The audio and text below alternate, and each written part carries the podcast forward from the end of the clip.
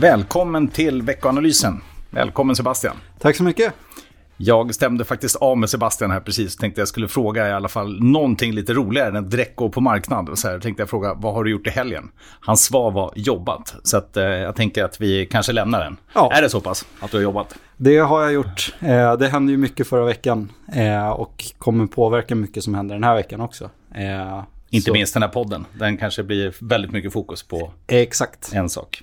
Men eh, vi håller spänningen. Jag tror att de flesta lyssnare redan förstår att vi ska prata mycket Silicon Valley Bank. Men vi kan väl bara kort, vad hände förra veckan innan det small? Eh, en, en viktig sak i alla fall, arbetsmarknadsdata. Ja, eh, den hände faktiskt efter att det small. Eh, men det är ändå den viktigaste saken att lyfta fram från förra veckan. Eh, och det är arbetsmarknadsdata som kom in under fredagen. Eh, där vi såg att arbetslösheten eh, steg till 3,6 procent i USA. Eh, väntat var att den skulle ligga kvar på 3,4 procent. Eh, och det är en av de två viktiga siffrorna. Eh, den andra är non-farm payrolls, vilket är antalet nytillsatta tjänster utanför jordbrukssektorn. Eh, och den här kom in betydligt högre än väntat, trots att arbetslösheten steg eh, på strax över 300 000 och väntat var 205 000. Eh, så arbetslöshet upp, men antalet tjänster tillsatta också upp. Eh, så lite motsägelsefull data. Eh, men det man blickade mest på under förra veckan var NFP-siffrorna, antalet nytillsatta tjänster.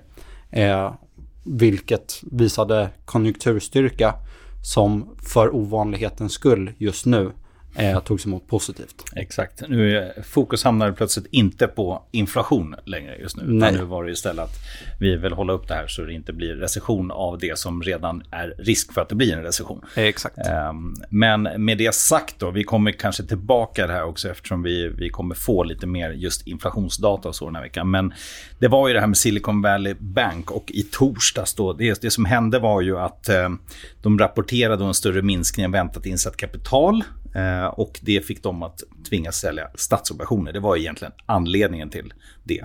Ja. Ehm, och eh, vad hände då? Vad var nästa steg? Eh, ja, eh, i och med att man då behövde sälja statsobligationer och även andra typer av obligationer som har fallit i värde i takt med att styrräntan har stigit i USA så realiserade man en förlust om nästan 2 miljarder dollar. Exakt. Eh, och det blev tydligt att eh, man har väldigt långdaterade obligationer. Eh, det finns något som kallas duration och det är ett mått på hur känsliga eh, obligationerna är för svängningar i underliggande ränta. Och det är betydligt högre duration på eh, de obligationerna som Silicon Valley Bank har eh, gentemot vad många andra banker har haft. Och man har då haft det eh, för att man helt enkelt har fått bättre betalt för att ha dem. Eh, men de är då också mer riskabla. Eh, för duration är då också ett riskmått eh, när det kommer till obligationer. Eh, så man har haft mer riskabla obligationer för att få mer betalt eh, och har på det sättet tjänat mer pengar när det har gått bra. Men när styrräntan då har höjts så har det gjort att man har tappat ofantliga mängder pengar. Exakt, och bara för att backa bandet ännu längre om man tittar tillbaka till liksom finanskrisen så var det ju så att det liksom följts ett regelverk för bankerna och det har ju bland annat inneburit att bankerna måste hålla mer likviditet just. Så att det här är ju liksom en, lite grann en följd av att man dels ska hålla mer likviditet och så har man dessutom eh, kunnat gjort det här liksom, ja, eh, på ett väldigt smidigt sätt och man har liksom gynnats av egentligen låga räntor men man har då valt att lägga det här i i eh, obligationer med väldigt lång löptid. Eh, Ja. Och eh, redovisat det här i den här klassen som heter Held to Maturity.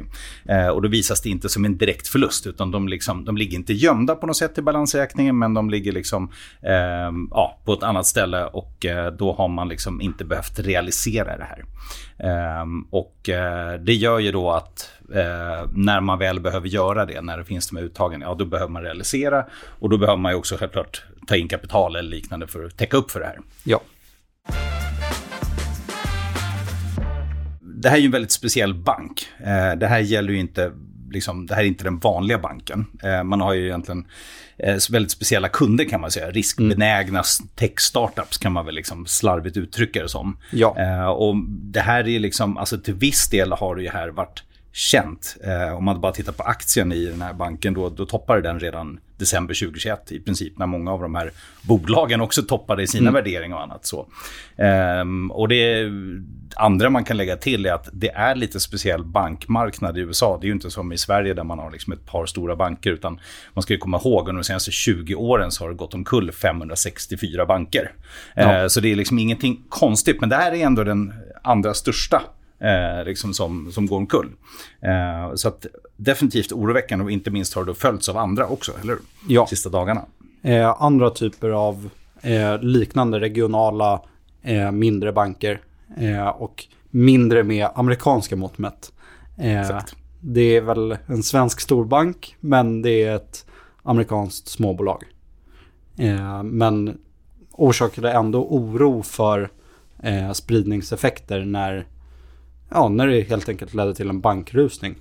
Eh, det är ingenting som vi har sett på länge i traditionella banker. Exakt.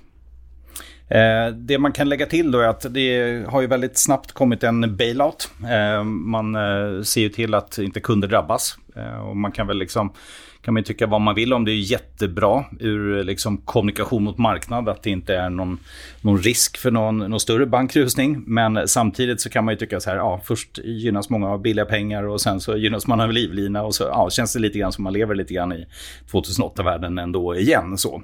Ehm, men det som är viktigt ändå och att man gör det här är ju för att liksom säkerställa liksom stabilitet. Ehm, Ja. För att risken är ju att folk tycker att det här kan sprida sig till fler banker och kanske till större banker. Men det tycker inte vi. Alltså, tittar Nej. man på nyckeltal och så vidare, oavsett egentligen vad man tittar på, så ser det väl liksom mycket bättre ut för de bankerna. Ja, eh, storbankerna överlag är väldigt välkapitaliserade eh, och de har också hedgat eller säkrat eh, sin exponering mot eh, ränterörelser genom ett instrument som kallas swaps. Eh, så man byter alltså fast ränta mot rörlig ränta eh, och då när räntan stiger så påverkas man inte. Eh, så bankerna, eh, storbankerna, de är egentligen relativt oberörda av det här. Bortsett från just aktiekurserna på storbankerna som har drabbats till följd av att det helt enkelt blir mycket oro på marknaden när nå- någonting sånt här inträffar. Och det viktiga är ju självklart att inte kunder får panik och tar ut massa kapital. För då Ja. blir ju alla de här nyckeltalen betydligt sämre. Men som de är idag när man tittar på sådana här eh, lån i förhållande till just inlåning och sånt där. Då ser det ju väldigt bra ut för de stora bankerna men det har inte sett bra ut för, för Silicon Valley så kan man väl säga. Nej. Och även när man tittar på de värdepapper de har, liksom, har som andel i förhållande till liksom, vinstgivande verksamhet så har det varit enormt stort liksom, för just Silicon Valley. Eh, men sen är det ju som vanligt när det blir såna här krascher, man kan inte sluta förvånas liksom, över så här lite, vad ska man kalla det, fun facts. Sånt som dyker upp liksom, i efterhand. Typ eh, analyser som har gjorts kort innan som tycker att det ser superbra ut eller liksom, ja, eh, finns massa exempel i samma här. Samma, var det samma CFO som Lehman hade? Eh, Han som var CFO på Lehman Brothers när de kollapsade var Chief Administrative Så. Officer på eh, Silicon Valley Bank när de kollapsade. De hade ingen risk manager under en period tydligen. Nej. Eh, det är mycket så här eh, väldigt oklara saker som man tänker, det här är väl ändå liksom, ska ju vara uppstyrt och så. Men, eh, och framförallt tycker man ju liksom att, alltså med tanke på att de från de här FDIC som de heter, som ansvarar för statlig insättningsgaranti, där fick de ju en varning redan i januari. Eh, så tycker man ju att det här borde vara liksom uppordnat på något sätt. Men Ja. det, det var det här. Ehm, det man kan säga är då i samband med det här är väl att vi tror ju inte att det sprider sig till, till banksektorn, att det kommer många större banker som det händer samma sak med. Vi Nej. tror egentligen inte att det här ska sprida sig till realekonomi heller, men det vet man inte förrän liksom man ser det. Det kan naturligtvis, om sentiment går ner så kan det absolut spridas ändå. Eh, och det är väl därför man agerar väldigt fort. Eh, så frågan är så här, vad tror du? Liksom, kommer Fed agera annorlunda än vad man sagt? Kommer liksom, vad, vad, vad är rimliga antaganden? Ja, eh, det har ju varit väldigt oklara signaler gällande vad som ska väntas på nästa Fed-möte. Eh, för man har lyft att man kan komma att höja eh, takten som man gör sina räntehöjningar i. Eh, och börja göra större höjningar igen. Eh, men man har också börjat prata om deflation, att vi börjar komma till en tid där inflationen går ner. Eh, så marknaden väntade sig relativt säkert 50 punkters höjning eh, nu under nästa möte. Eh, jag personligen lutade väl åt 25 kanske. Mm. Och nu finns det vissa storbanker som tror att det inte blir någon höjning alls eh, vid nästa möte. Jag står väl kvar vid mitt 25. Japp. Eh, men eh. Det finns nu ett mycket större spann på eh, vad man kan vänta sig. Att det inte skulle bli någon höjning alls, det fanns inte på kartan Mm. för en vecka sedan. Eh, men nu är det ett mycket möjligt scenario. Ja, nej, det, jag håller med dig att 25 känns mest rimligt ändå. Men eh, som sagt, det återstår att se lite grann och framförallt närmaste dagarnas händelser. Eh, och det här är väl den ena delen av den här ja, bankkraschen då, att eh, liksom ekonomi och kanske centralbanker och så påverkas. Det andra är ju, vad hände direkt på börsen? Ja, bland annat så banksektorn dök ju rejält. Eh, Ja. Men också på ränte och valutamarknaden så var det ju faktiskt ganska stora rörelser. Som vanligt, dollarn stiger, eh, räntorna föll ordentligt, eh, så obligationer stiger i värde. Så att återstår att se. Det vi har sagt egentligen under senaste tiden är också att vi tror att volatiliteten, svängningarna kommer vara höga Ja. i det här scenariet när vi har liksom inverterad räntekurva och liksom det finns massa osäkerhet. Det blir ju en bekräftelse i alla fall, Absolut. kan man säga. Eh, och sen så vill jag bara poängtera att det är ju inte aktieägarna i banken som har bailats ut nu, utan man har säkrat möjligheter till uttag. Eh, Exakt. Så för, föreställ er själva att ni kanske hade 5 miljoner insatta på ett konto. Eh, det man har gått ut och garanterat nu är att du som kund kommer kunna ta ut de här pengarna. Eh, man har inte gått in och räddat aktieägarna. Eh, man har sparkat hela ledningsgruppen från statlig sida. Eh, och jag skulle vänta mig att många ur ledningsgruppen som faktiskt sålde aktier bara någon månad, för någon månad sedan, att eh, de kan vänta sig ganska långa fängelsestraff.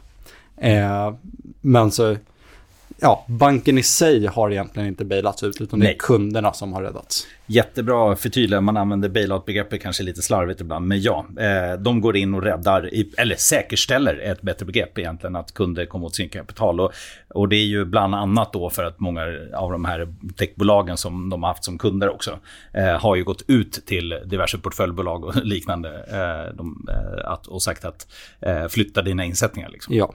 Och det vill man ju absolut undvika att det blir just den här bankrusningen som vi har pratat om. Liksom. Exakt. Det känns som tiden gått. Vi har snart gjort en vanlig poddtid på 15 minuter. Men Ja. eh, vi har ju lite annat att täcka också. Eh, Och vi lär ju återkomma nästa vecka om just, eh, kanske inte bara Silicon Valley Bank, utan allmänt banksektorn. Där är det ju stök. Absolut. Men om vi bara tittar på viktigaste för börsen just nu i övrigt. Ja. eh, Så nämnde inflationsdata. Vad har vi där den här veckan? Eh, vi har inflation, inflation och inflation. Som vanligt. Eh, på tisdag får vi ta del av amerikanska inflationssiffror. Eh, och de blir ju superspännande nu eh, med tanke på att förväntningarna på Fed har ändrats så mycket på så kort tid. Eh, så vi vet ju att det sitter ett gäng där på Fed som skulle bli otroligt glada om man ser inflationen falla rejält nu eh, imorgon. Eller idag när det här sänds. Eh, då det skulle möjliggöra att man då gör en mindre höjning Eh, och inte pressar bankerna lika hårt. Men sen så får vi även ta del av svensk inflation på onsdag eh, och inflationssiffror för eurozonen på fredag. Eh, och utöver det här så är det viktigaste att följa under veckan det nya räntebeskedet som kommer från ECB på torsdag. Yes, Europeiska centralbanken. Förväntat 50 punkter. Eh, det var det när eh, Ja. veckoanalysen i textformat skrevs. Eh, nu skulle jag väl säga att det är väntat med 25. Ja, det låter ju också helt rimligt. Så att, ja, men håll koll på viss data då. Det kommer ju Eh, som sagt, inflationssiffror, räntebesked kanske är det viktigaste. Men sen har vi också USA lite industriproduktion, detaljhandel. Eh, och eh, ja, även självklart annan data. Eh, NAHB, sån här sentimentsindikator för byggsektorn kommer, Philadelphia Fed kommer. Eh, förväntas bli bättre faktiskt. Eh, så att en del data. Däremot på, om man tittar börs och bolagshändelser, där är det ju riktigt tunt nu efter rapportsäsongen. Så där finns det inte mycket att bevaka. Volkswagen kommer rapport. Finns någon liten utdelning och plocka bland större bolag. Stora Enso bland på fredag. Men annars eh, riktigt, riktigt tunt faktiskt. Ja. Så. Så med det sagt så har vi nog täckt en podd. Har du något utöver det? Eh, nej, det är väl att hålla utkik för eh, oväntade eh, börshändelser som den vi fick se i torsdags och fredags. Exakt. Att eh, man kan ju alltid lyfta fram sånt som man vet kommer hända med rapporter och dylikt. Men det kommer ju också alltid saker som man inte kan förutse. Eh, och det är ju ofta de som har extra stor påverkan på marknaden. Ja, och håll koll på, tänker jag också framförallt räntemarknaden. Otroliga rörelser. Alltså det har ju varit om man tittar liksom för en månad sen så var en amerikansk tioåring på 3,70 någonting. Eh, för någon vecka sen så var den på 4. Nu är den tillbaka på 3,70. Alltså ja. det är otroligt sällan det har varit sådana slag. Eh, och det får ju påverkan inte bara på räntemarknaden utan självklart också tillväxtförväntningar på, på, eh, ja, på överlag makroekonomi men också börsen. Mm. Klart intressant. Och med det sagt så får vi väl tacka för oss den här veckan. Ja, tack så mycket. Ha det bra.